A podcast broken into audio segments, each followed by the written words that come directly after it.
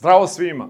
Partner današnje epizode je kompanija Moje račun, koja se bavi izdavanjem i skladištenjem elektronskih faktura. Kako je ova godina godina tranzicije od analognog ka elektronskom poslovanju, Moje račun je odlučio da svim pratiocima kanala Ja preduzetnik pruži mogućnost besplatnog korišćenja usluge elektronskih faktura do 1.1.2023. godine. Sve što treba da uradite je da u opisu videa posetite link na kome ćete zatražiti ponudu. Da biste ostvarili mogućnost promotivnog besplatnog perioda, potrebno je da u polju napomena upišete promo kod Ja preduzetnik 2022. Uživajte u današnjoj emisiji.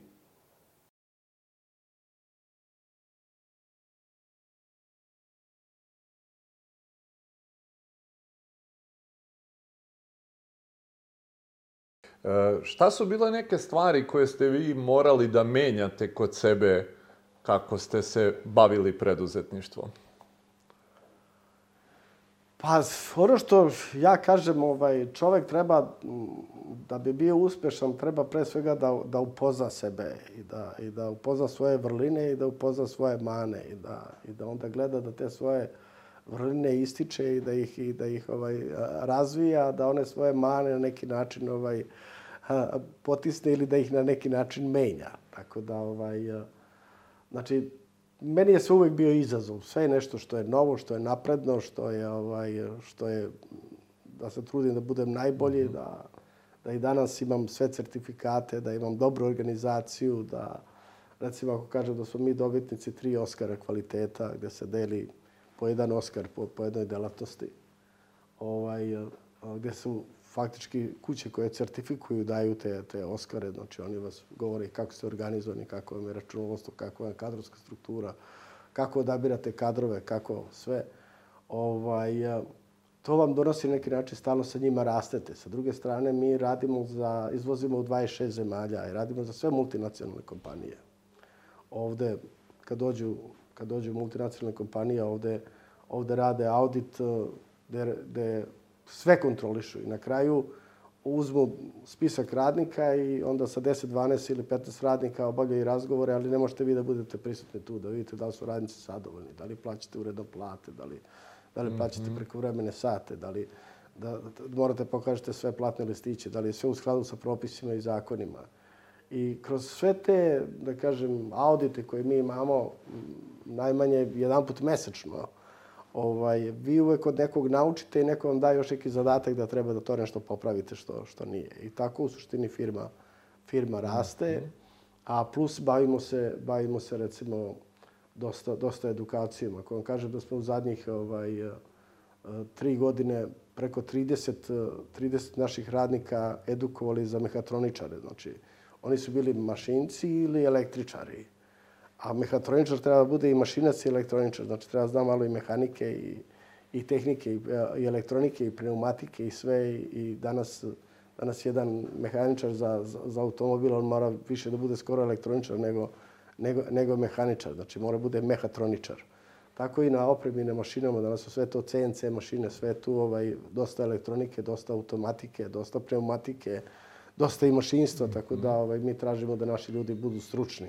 Tako da dosta toga smo obučavali i trudili se da idemo napred. I samo tako može jedna firma da, da uspe ako stalno, ako stalno stremi nekim, nekim, nekim mm -hmm. da kažem, poboljšanjima. Kako se vremenom uh, sa razvojem firme menjala vaša uloga u njoj? Pa ja sam vrlo rano, vrlo rano počeo da se bavim, e, da kažem, e, znači prvih 10 ili 15 godina je bilo bitno da budem stručan i da radim to, a posle sam počeo da se bavim s tim da moje znanje prenosim drugima i da organizujem druge.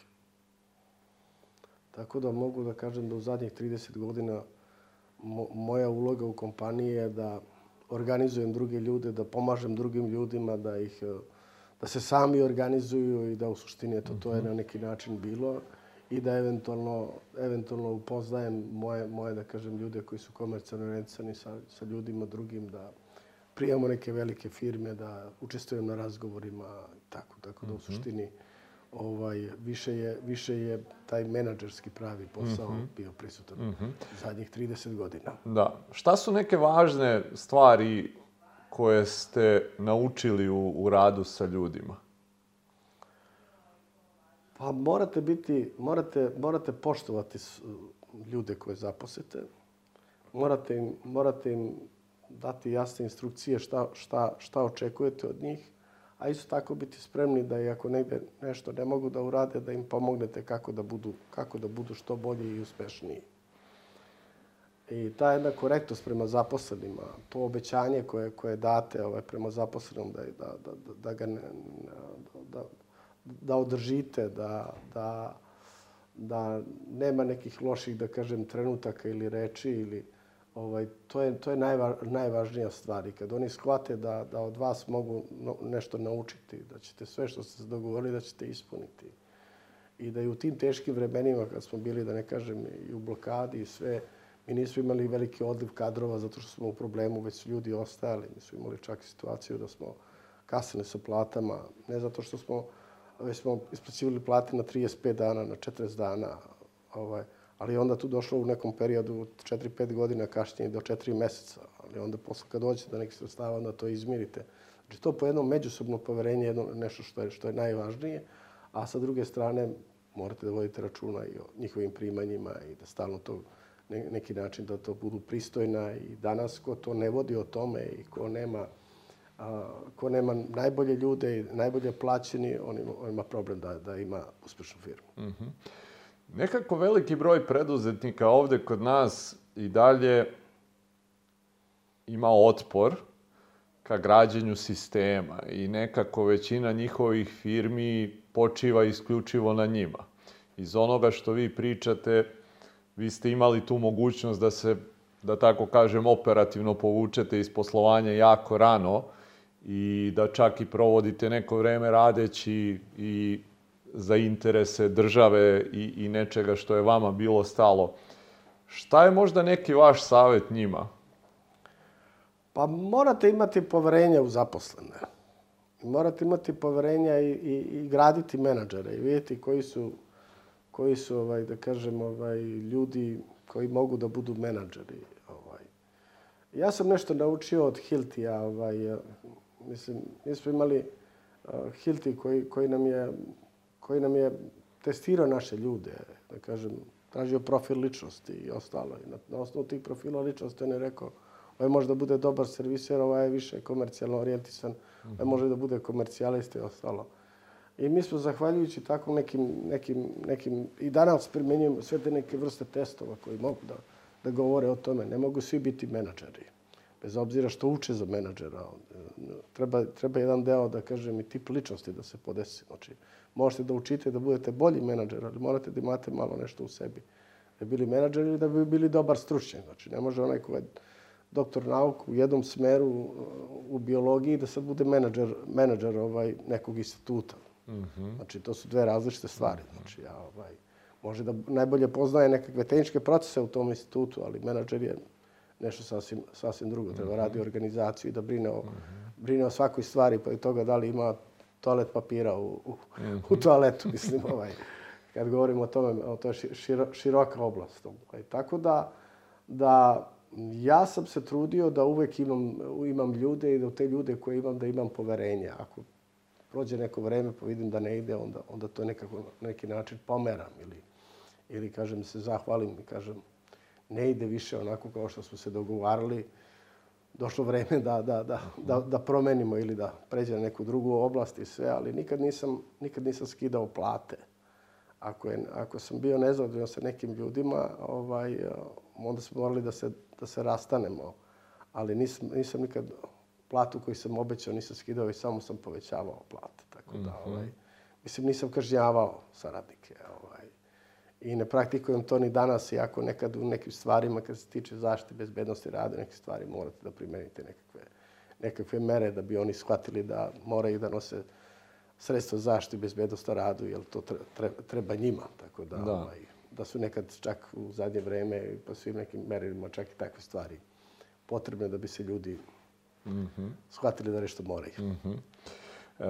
danas je i vaših troje dece u firmi, oni su već odrasli ljudi, ali me zanima kako ste kroz njihovo odrastanje ih polako uključivali ili upućivali na firmu? Pa, pre svega, moja deca su odrasla u kući gde je, gde je kult rada i, i privatnog biznisa i non stop se, non stop se o tome priča. I ja sam njih davno, ovaj, znači već od osmog razreda, oni su tu ili sedmog razreda, dolaze u kompaniju da se, ili da čerka je bila na telefonskoj centrali i jedna i druga, da se javljaju, da prebacuju veze, da, da su tu sa, u, u računovodstvu, da nešto, nešto, ne, nešto dobiju neki posao, da pakuju neke fascikle, da nešto drugo rade i ostalo. Ovaj, mlađi sin on je od sedmog razreda bio već u fiskalnim kasama i tako. On se ja trudio nekako da im neke nagrade, da im nešto, nešto obećam da ću, ovaj, da ću ih plati po satu ili po nešto drugom ili, ili da će moći negdje da idu na godišnji odmor i da otputuju. Tako provedu 15, 20 ili mjesec dana u firmi. I, I sad, kažem, ja i, i, i mojoj deci koji su već sad odrasli, ja imam unuke, da ovde dođu kad obilaze firmu da povedu svoje, svoju decu i da se njima obilaze firmu i da moji menadžeri koji su tu ovaj, direktori proizvodnje, da dođu sa svojom decom subotom, da, da, da obiđu firmu, da, da, da faktički da, da ne dođu u situaciju da deca nešto uče škole, a ne ulaze u kompaniju i misle da će u 22 godine, 23 godine ući u kompaniju. Neće oni onda nemaju nikakvog, nikakvog osjećaja prema toj kompaniji i, ovaj, i onda imaju, imaju moje kolege problema da svoji decu ovaj, uključe u biznis. Ja sam to od početka samog radio da faktički budu tu u kompaniji, da budu u biznisu, da dolaze, da, da, da se družimo, da, da, da, da, da osete to da je, da je to kao i kod kuće. Mm -hmm. A šta su bile neke stvari koje ste se trudili da im prenesete kroz vaspitanje neke vrednosti koje su vam bile jako važne? Pa ono što je najvažnije i što ja njima govorim da je najvažnije imati neku meru u životu. I da nije život samo to da treba da te radiš da zaradiš neka, ne, neki novac, već da, već da morate imati jedan korektan odnos sa svim ljudima, da morate poštovati sve druge ljude, da morate voditi račune, da sačuvate, da kažem, imidž i svoj lični obraz i da je to važnije od, od milion dolara ili ne znam čega drugog. Znači da novac, da, da novac je nešto što je sekundarno, a već da je bitno kako nešto radite, kako radite, kako imate ugled, da novac će sam doći po sebi. Znači ja nikada nisam tražio novac, već sam tražio dobar, da uradim dobar posao. Novac je došao sam po sebi. Jer onda ako se nešto dobro radili, onda su ljudi htjeli to dobro i da plate. I korektno da plate, mm -hmm. a ne da mhm. pretplate. Tako da, eto, to ih uči na neki način da imaju dobru komunikaciju sa ljudima, da, da stvaraju neke veze, prijateljstva i dok su bili na studijama, da, da, da vode računa o tome da im ti ljudi sutra biti potrebni, da će neki ljudi biti ovaj, na vrlo važnim funkcijama, da će biti direktori firme, da će biti stručnjaci u nekim mhm. kompanijama, da će biti negde i da što veći broj imaju tih nekih svojih prijatelja koji će, koji će i da se sa njima druže i da imaju dobru komunikaciju. -hmm a samim tim i da vode računa o zaposlenim i da imaju poštovanje o svakom zaposlenom koji u mhm. kompaniji susreću i tako. Tako da, eto, to je nešto što ja mislim da je, da je, da je osnova, osnova generalnog i življenja u suštini. Znate, vrlo je, vrlo je bitno da, da, da ne pretarate negde u nekom stvarima i da, i da imate neki otpor prema ljudima, bilo da su u kompaniji, bilo da su u gradu i tako. Tako da naša kompanija je bila dosta i sponsor raznih događaja od, od, od početka pa do, pa do danas, iako zadnjih deset godina smo malo imali problema kao firma finansijska, ali uvek smo te neke, neke manifestacije koje su bile ovaj, podržavali i sponzorisali. Mm -hmm. Kad treba da donosite neke odluke kroz karijeru, a možda i danas, šta je bilo ono čemu više negde naginjete? Je to bila možda intuicija ili brojevi? Pa ja mislim da je bilo, bilo više intuicija. Znate, imao sam nekih nekoliko tako nekih ovaj, specifičnih odluka u životu. Ovaj, i, i otišao sam kod mog oca da se posavetujem. Mm -hmm. I on mi je dao tako neke savete na koje sam ja tako imao neke dileme šta da uradim. Mahom se to radilo u nekim međuljudskim odnosima i ostalo. I onda sam otišao kod, kod oca da se posavetujem i, i prihvatio sam njegove savete. ali mislim da me, mislim da me intuicija vodi kroz, kroz, kroz biznis i kroz posao. Znači, ne, nikad nisam trčao da radim posao zbog para, već zato što sam mislio da je to dobar posao. Ne, ne zato što su to dobre pare, već zato što je to dobar posao i što mogu u tom poslu da budem među najboljima. Mm -hmm. e, kad već govorimo o tim savetima, koliko danas često vaša deca dođu kod vas za neki savet? O, pa često. Znači često, ovaj, često, nekada čak to bude i nekoliko, nekoliko telefonskih poziva u toku dana oko nekih konsultacija. Normalno ja tražim od svih mojih saradnika dece da imaju svoju odluku.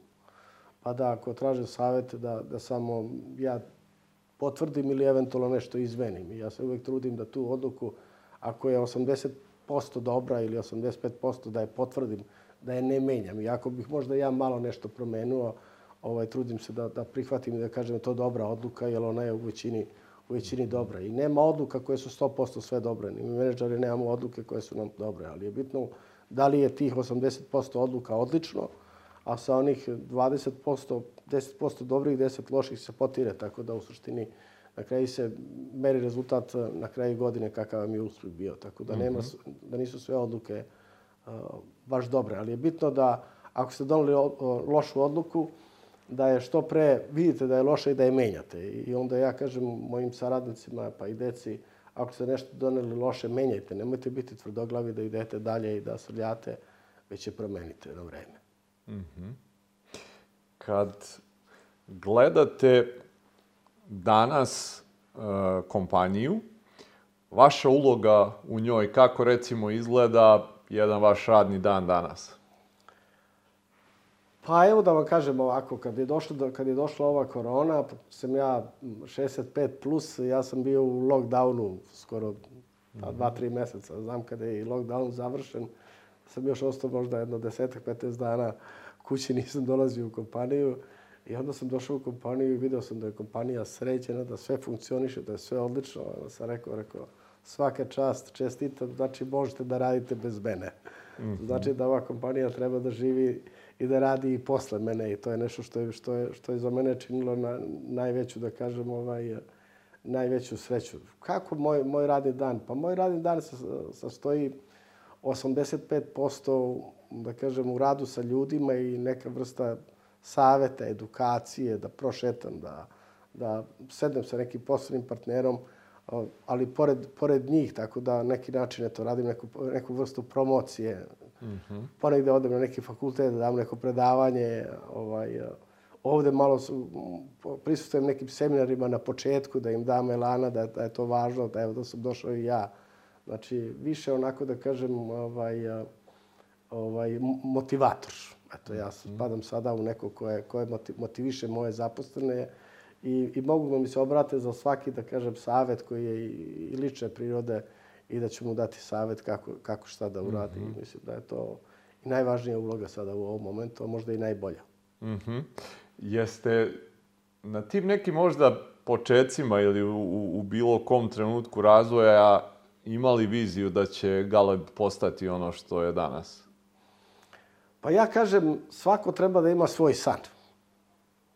Znači, ja sam, ja sam uvek sanjao i moji snovi su bili uvek veći nego što si mogao da saopštiš okolini, jer bi okolina rekla da nisi, da, da nisi normalan. Ovaj.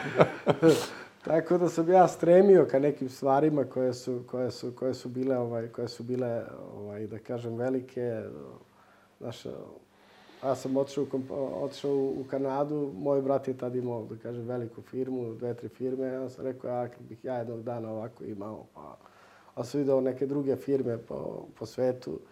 I, I tako da sam, da, da je to meni uvek bila neka vodilja ili uvek u tom nekom razvoju, ja sam uvek video tre, tri, četiri koraka unapred gde stremim, ali kad dođem sledeća dva koraka, opet se rađaju nova dva koraka. I to je bio jedan put koji, koji, koji sanjaš i, dos, i, i neke stvari dosanjaš u suštini.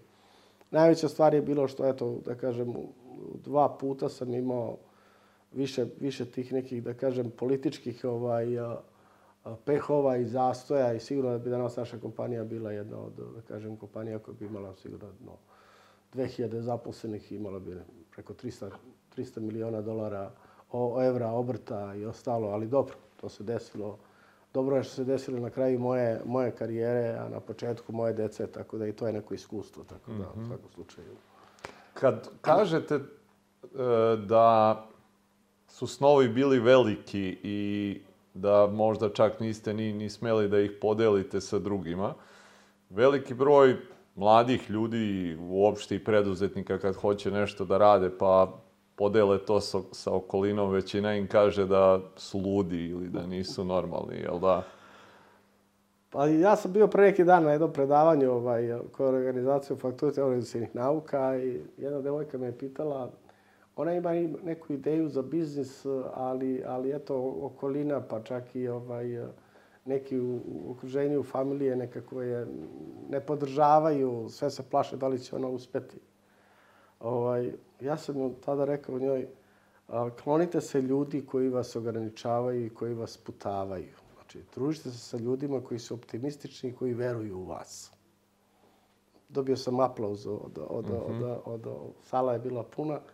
Ovaj, to hoću da kažem da ovaj, potrebno je da imate ljude u okruženju koji će, koji će vas podržavati, koji će za vama raditi na toj ideji. Tako da ja, ja gledam da sam što manje, što manje sa ljudima koji su, koji su da kažem, nesigurni, rezervisani ili koji su, da kažem, ovaj, pesimisti. Mm -hmm. Ja sam optimista i volim da se družim sa optimistima. Jeste optimista uvek bili? Uvek. A je li bilo nekad straha kroz sve ove godine, pola veka preduzetništva? Pa nema straha, znate. Meni je, meni je uvek neki, ne, neki, neki događaji su za mene stvarali neke nove, no, no, nove izazove i ja sam stremio, onako što bi rekli, pred, pred Nišan, ovaj, ali, sam, ali sam se borio. Tako da ovaj, nisam, nisam strašljiv čovjek i mislim da, da ljudi ne treba da, da, da, da se plaše. Ovaj. Tako da sam ja... Ja imam jednu nesrećnu okolnost, u svemu sam bio prvi. I svugdje da ste prvi, neko vas, neko vas reže. Prvi u preduzetičnu, prvi privatna firma, prvi velik neki posao, prvi, prvi krećete da kupujete neke akcije, neke druge stvari. Znači, sve što sam radio, ja sam bio među prvima. Moj otac isto tako bio prvi, ono, kad dođe u selo kombaj, niko ne sme da, da pusti kombaj u žito, jer će propasti žito, a on kaže uzite pa moje žito nek propadne. Tako da, ovaj, eto, ja potičem iz jedne porodice gde moj deda još 8. maja 22. godine postao privatnik. Moj otac je bio privatnik i pčelar i autoprevoznik i veliki poljoprivrednik. Ja sam takođe, evo, 52 godine privatnik. Tako da, evo, sad u maju je 100 godina privatnog biznisa u mojoj familiji. Ja sam treća generacija, moja deca su četvrta generacija. Tako da nema straha. Ovaj, evo, ja sam gledao kroz, kroz istoriju. Moj deda je 28. godine izvezao četiri vagona stoke za Beč. Ali je to prodao preko, jedne, preko jednog privatnika iz Zagreba. A taj privatnik je bankrotirao. I pošto se on zadužio kod agrarne banke, njemu je sva zemlja faktički uzela agrarna banka 30. godina. On je 36. godine uspeo da, da skupi novac, da isplati agrarnu banku i da povrati, da povrati tu zemlju. I onda su tad podelili na, na, na, na tri kuće, pošto je to bila ona zajednica, podelili se na tri kuće, tako da je nama oduzeto nekih desetak, 15 hektara posle rata, zato što su to bila tri domaćinstva koja su imala po 10-12 hektara nešto i šume. Tako da nisu, da su ostali u zajednici, oduzeto im bilo 30-40 hektara. Ovaj, I onda sam ja video da, da ih kroz tu neku istoriju su davali, imaju pikovi, uspeš pa ne uspeš, napraviš loš posao pa napraviš dobar posao. Ali ako si napravio loš posao, nešto si naučio, ajde sada pravimo dobar posao. Mm -hmm. A da kad se, kad se desio, kad se desio ovaj problem sa Vranjem, što je bio ogroman udarac za nas, jer smo mi bili pogodili posao, radili smo aerodrom za Berlin, pogodili posao, recimo. Ako vam kažem da je za Vreć radio, radio stadion u Bukureštu. Ovaj, I to je za vreme dok sam ja bio tamo mhm. vlasnik i mi smo imali velik posao. I kad se to desilo, taj direktor, jedan moj koji je bio ovaj, u zavarivaču, I ja kažem njemu, smo, i to on meni pominje, ja se i ne sjećam, on kaže, kad smo izlazili iz zavarivača, ti si rekao, zaboravit ćemo ovo, ajmo da pravimo neke nove pare, neki novi posao. Mm -hmm. Eto, tako ja pokušavam da, da, da te neke teške trenutke u biznisu, da ih zaboravim, da okrenem prekidač i da, se, i da, i da idem da pravim neki drugi posao. Mm -hmm. kroz sve to i, i što spominjete negde dolazi i velika količina odgovornosti prvo za zaposlene, za širu neku zajednicu i to verovatno donosi neki stres. Kako ste se sa tim borili? To sam ja rano, rano, ovaj, eh, rano počeo da se s tim izlazim na kraj. Znači ja tamo negde, negde kad sam imao tu negde možda do 27-8 godina, dolazio sam kući vrlo uznemiren zbog posla, zbog ovog ostalog i onda sam išao tu, pošto bi kuća bila pored bolnice, onda odem da primim inekcija po urine za, za smirenje i onda sam počeo da imam neku aritmiju i odem kod, kod jednog kardiologa u, u Novi Sad i on pita mene čime se ti baviš, kažem ja rekao privatnim biznisom. Kaže morat ćeš to da zatvoriš pa da se zaposliš u neku društvenu firmu. Kažem ja što? Pa kaže, ti se tu sekiraš i to tebi dolazi, dolazi iz, iz nervoze, iz nerviranja i sve. A rekao, pa dobro, ali ne mogu ja da se, da se sad zaposli drugi. Pa kaže, moraš onda da prestaneš da se nerviraš i da se ne sekiraš zbog posla.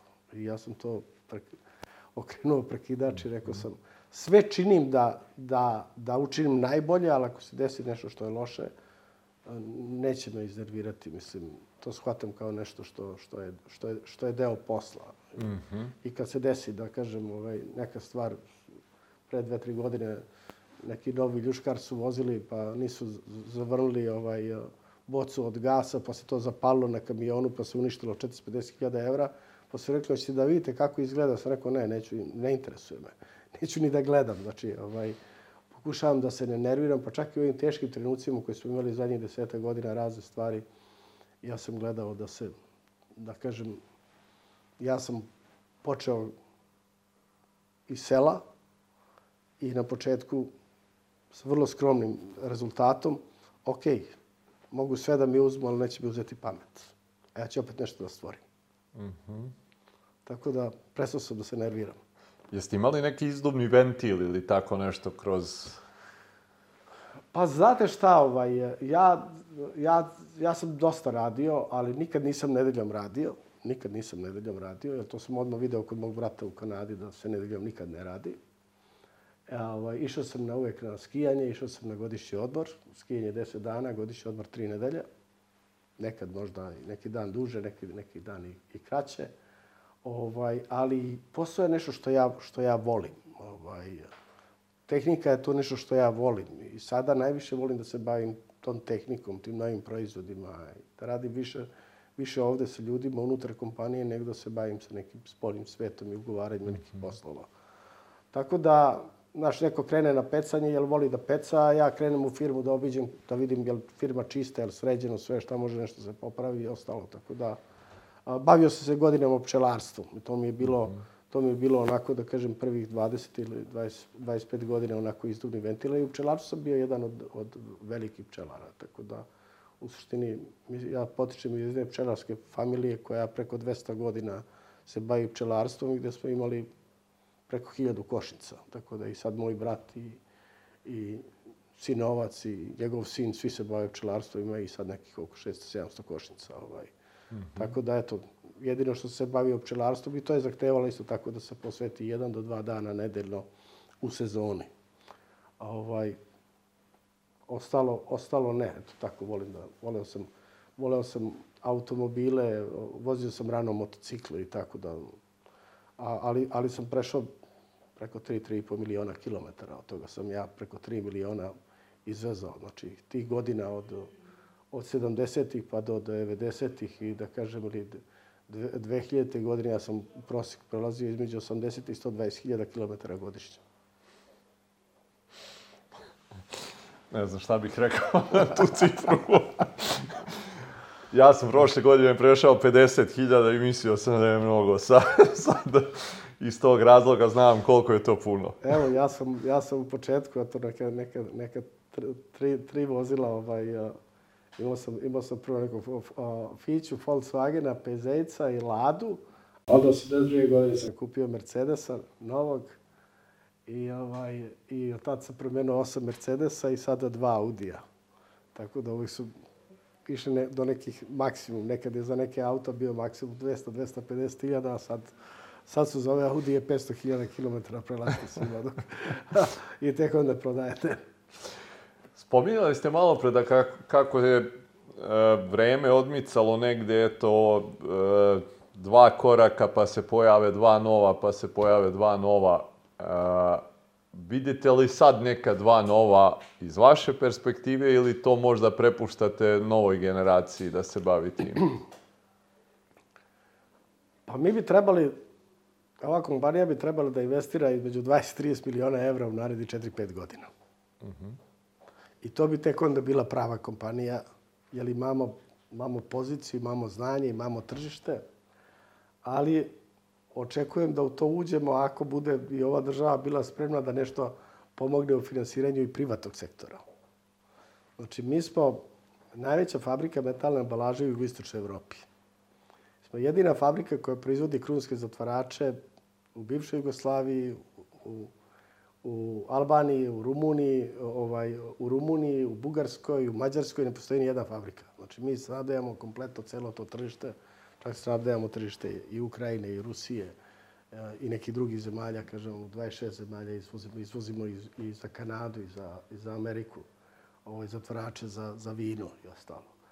Tako da ovaj, e, ja, vidim, ja vidim da ćemo se malo, da kažem, ovaj, više posvetiti razvoju, još dosta nove opreme, novih mašina, ali danas samo jedna mašina za štampu košta 8 miliona evra.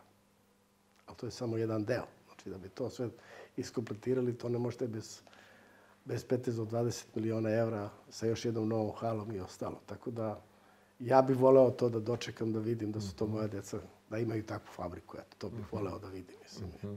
I stremim a, a, ka tome i, ovaj, i pravimo već sad projekte i sve sad pravimo planove i da kažem analize šta bi dobilo ta, ta firma koja bi imala toliko, toliki mhm. razvoj i tolike investicije.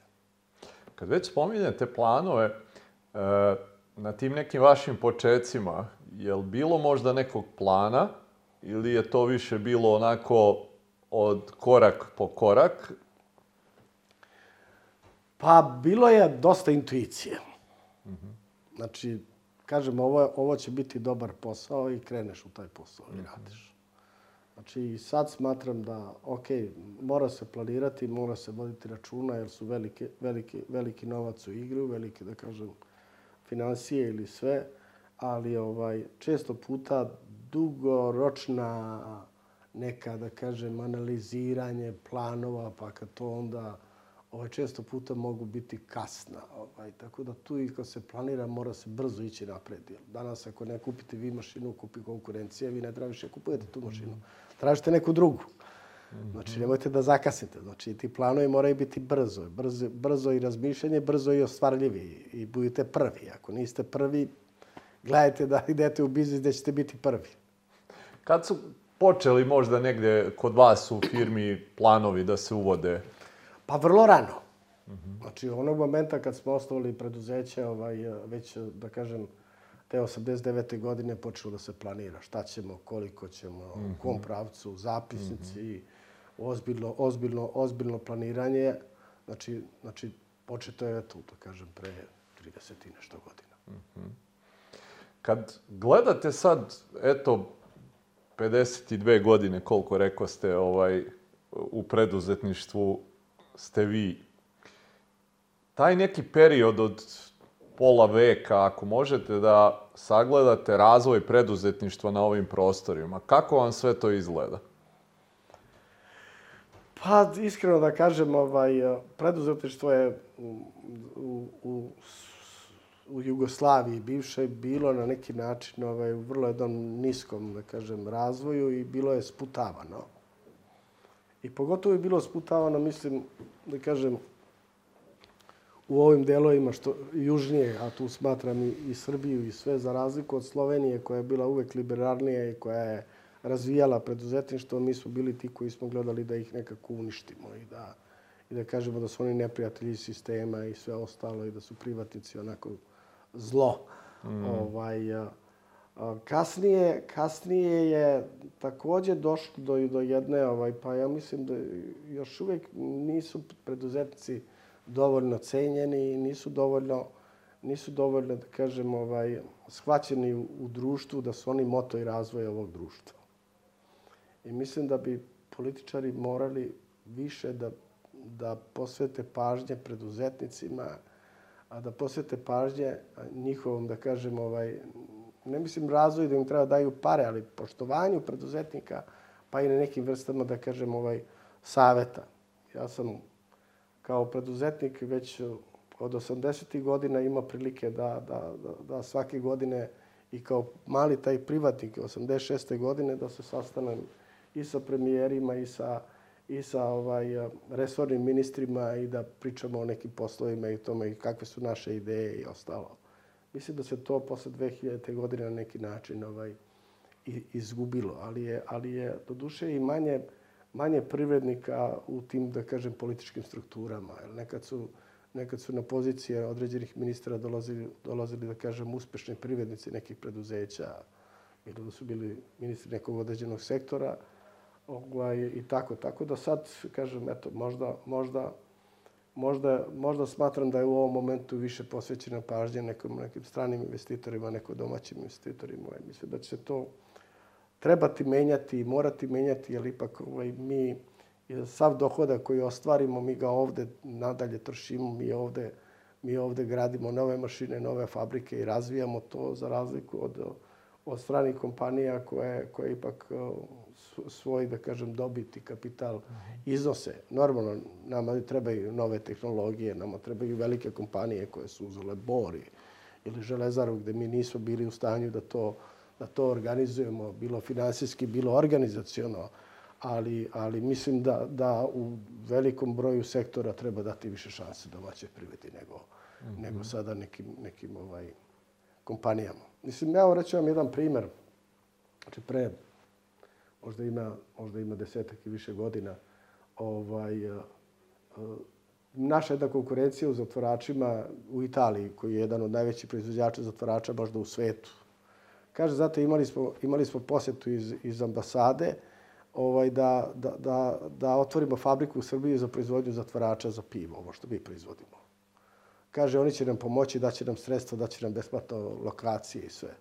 Pa ja sam rekao, ali vi imate u, u, u Srbiji fabriku Galeb, Galeb ima opremu koja je najmodernija u svetu i on proizvodi, proizvodi zatvorače, mislim. Šta, šta, ću, šta ću ja tamo da radim ovaj, pored Galeba? Tako da, kad sam ja sreo tog našeg, da kažem, predstavnika za ekonomske odnose ovaj, koji je radio u ambasadi u Rimu, a pitao sam ga da li, da li, znaš, da, si, da li znaš za firmu Galeb? Rekao je ne znam. A mi smo, mi smo tad bili u prvih, da kažem, 100 kompanija ili 200 kompanija.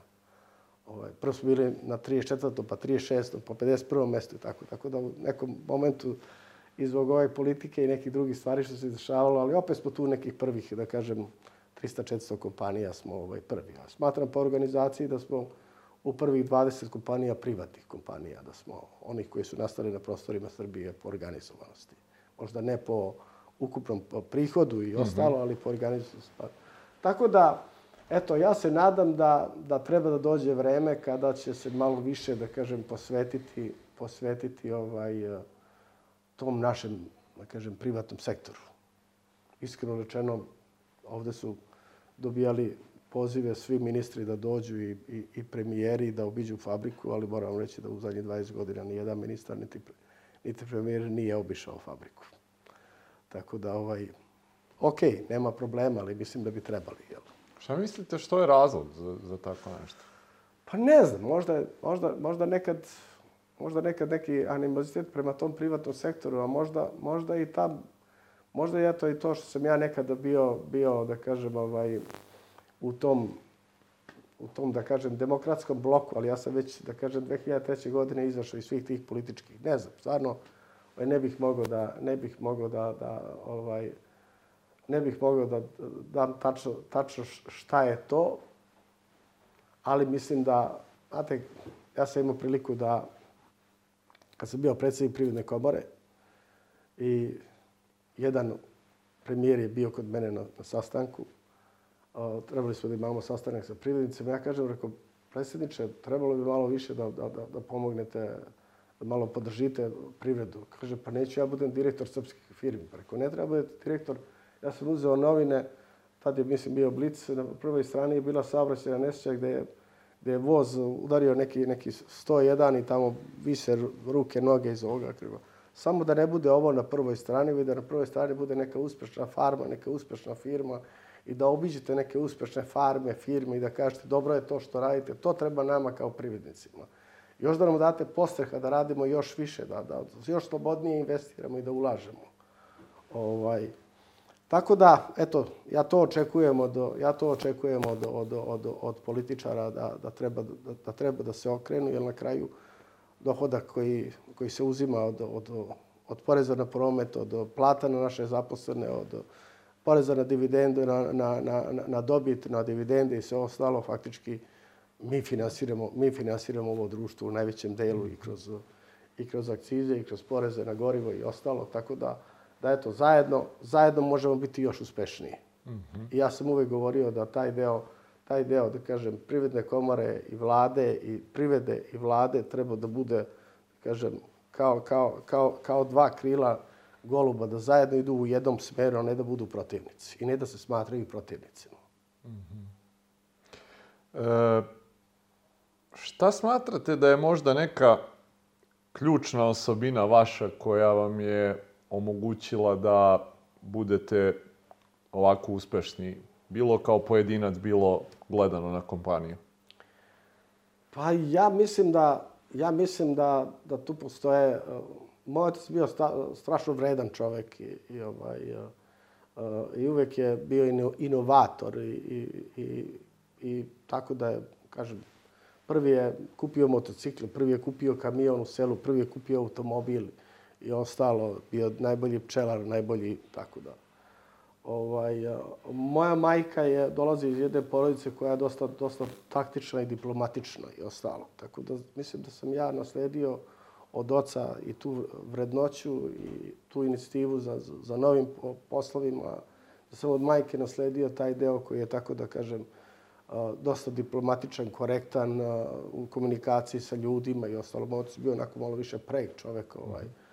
A, tako da, da eto, da kažem, mislim da i taj neki, neki ovaj, neko to porodično odgajanje i moji roditelji koji su bili da... I onda sam ja faktički, nije mi se ništa otelo što sam hteo da uradim, ja sam to postigao. Znači, treba, treba isto tako proceniti šta su vam mogućnosti. I to što hoćete da uradite, da li ćete vi to možete da uradite. I onda, ako možete 80%, onda ćete uraditi i oni 20% ili 70%. Znači, I onda sam ja bio spreman da radim i 16 sati da bi nešto postigao. Tako da, eto, nije mi se ništa otelo. Mm -hmm. Što sam hteo da uradim. Šta smatrate možda da je najveća greška koju ste napravili u poslovnoj karijeri? Um, a u poslovnoj karijeri najveća greška što sam se u nekom, u nekom periodu ovaj, života ovaj, bio politički angažovan. Mislim da, mislim da, da, da kroz tu politiku dođete do, do, do, do ovaj, pogotovo ako hoćete da budete samostalni, ako hoćete da, da, da vi, da vi da, da, da govorite jasno ono što mislite i što, a ne da slepo slušate samo, samo većinu i da budete glasačka mašina za, za glasanje onda dolazite i u, i u, i u sukobe, onda niste, niste, niste poslušni sve. Tako da mislim da bi moja firma mnogo bolje uspela da se nisam bavio politikom ni, ni te 93. godine, ni te 2000. godine, iako smatram da sam za društvo i za državu mm -hmm. dosta, dosta učinio, ali kad govorim o samoj mojoj firmi, sigurno bi bila bolja, bolja i uspešnija da nisam, da nisam mm -hmm. se mhm. bavio politikom. Jedan deo ljudi koji nas prati je ili negde na počecima svog preduzetničkog puta ili razmišljaju da uđu možda tek u neke preduzetničke vode. Šta bi bili neki vaši saveti njima sad iz ove perspektive posle pola veka preduzetništva? Pa moj savjet je ako, ako volite svoj posao, ovaj, onda ćete biti uspešni i morate se truditi da u prvim godinama znate da ne možete zaraditi neki novac, i da morate se dokazati na tržištu i da verovatno danas prva ili druga godina posla je na nekom minusu ili na nekoj nuli. Ja sam imao srećnu okolost da je odmah bilo na nekom plusu, ali ovaj, ništa ne donosi odmah, odmah neki, neki, neki novac i ta upornost da se izdrži prve tri godine rada donosi rezultat. Znači, treba biti, voliti posao, treba biti uporan i treba imati meru. Mm -hmm. Koliko ćete nešto naplatiti, da li ćete nešto dobro uraditi, a ne da kažete toliko, toliko to košta, onda neko kaže, ok, možda će vam platiti, ali on se neće, neće nikad više javiti. I onda ste izgubili, izgubili partnera ili nekog ko možete mm -hmm. raditi Spominjali ste nekoliko puta kroz razgovor tu meru, jel teško nju naći za bilo šta u životu? Ona je važna u životu. Ona je važna i za neki svoj duševni mir i za neki, za neki uspeh i za neko poštovanje i sve ostalo. Tako da je ona za mene, ja to objašnjavam i moje deci i svima, da je ta jedna mera uopšte u življenju ovaj, vrlo, vrlo bitna i da neke materijalne vrednosti treba se stave po strani, već treba gledati šta si, šta, kakav, da ne kažem, ugled, kako imaš i nije sad bitno da li imaš fabriku, ova fabrika više služi mojim zaposlenim nego što služi meni, meni je teret. Znači, ja, znači svaka fabrika koju imamo, to je još jedan jaram na vratu. Mislim, ovaj. A, samo što, eto, želimo, nosimo, ne zbog para, već zbog toga što, eto, si uspešan i što, što, ovaj, što želiš da, eto, da, da nešto uradiš više i da, jel možeš da uradiš nešto više od drugih. Ali u tome razvoju treba imati meru.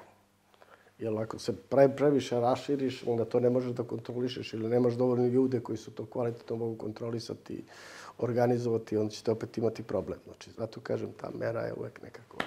Šta god mhm. rekli da je, ali ona je potrebna. Mm -hmm, okay. e, Radoslave, pitanje sa kojim završimo sve naše razgovore, da imate priliku sad sa svim ovim što znate, da se vratite možda na te neke vaše preduzetničke početke i budete mentor na kratko tom Radoslavu Mlađanom.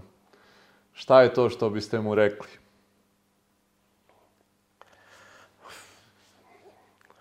Pa to je onako delikatno pitanje. Ovaj. Ja mislim da sam dosta toga u životu naučio i dosta imam iskustva, jer imam dosta i grešaka.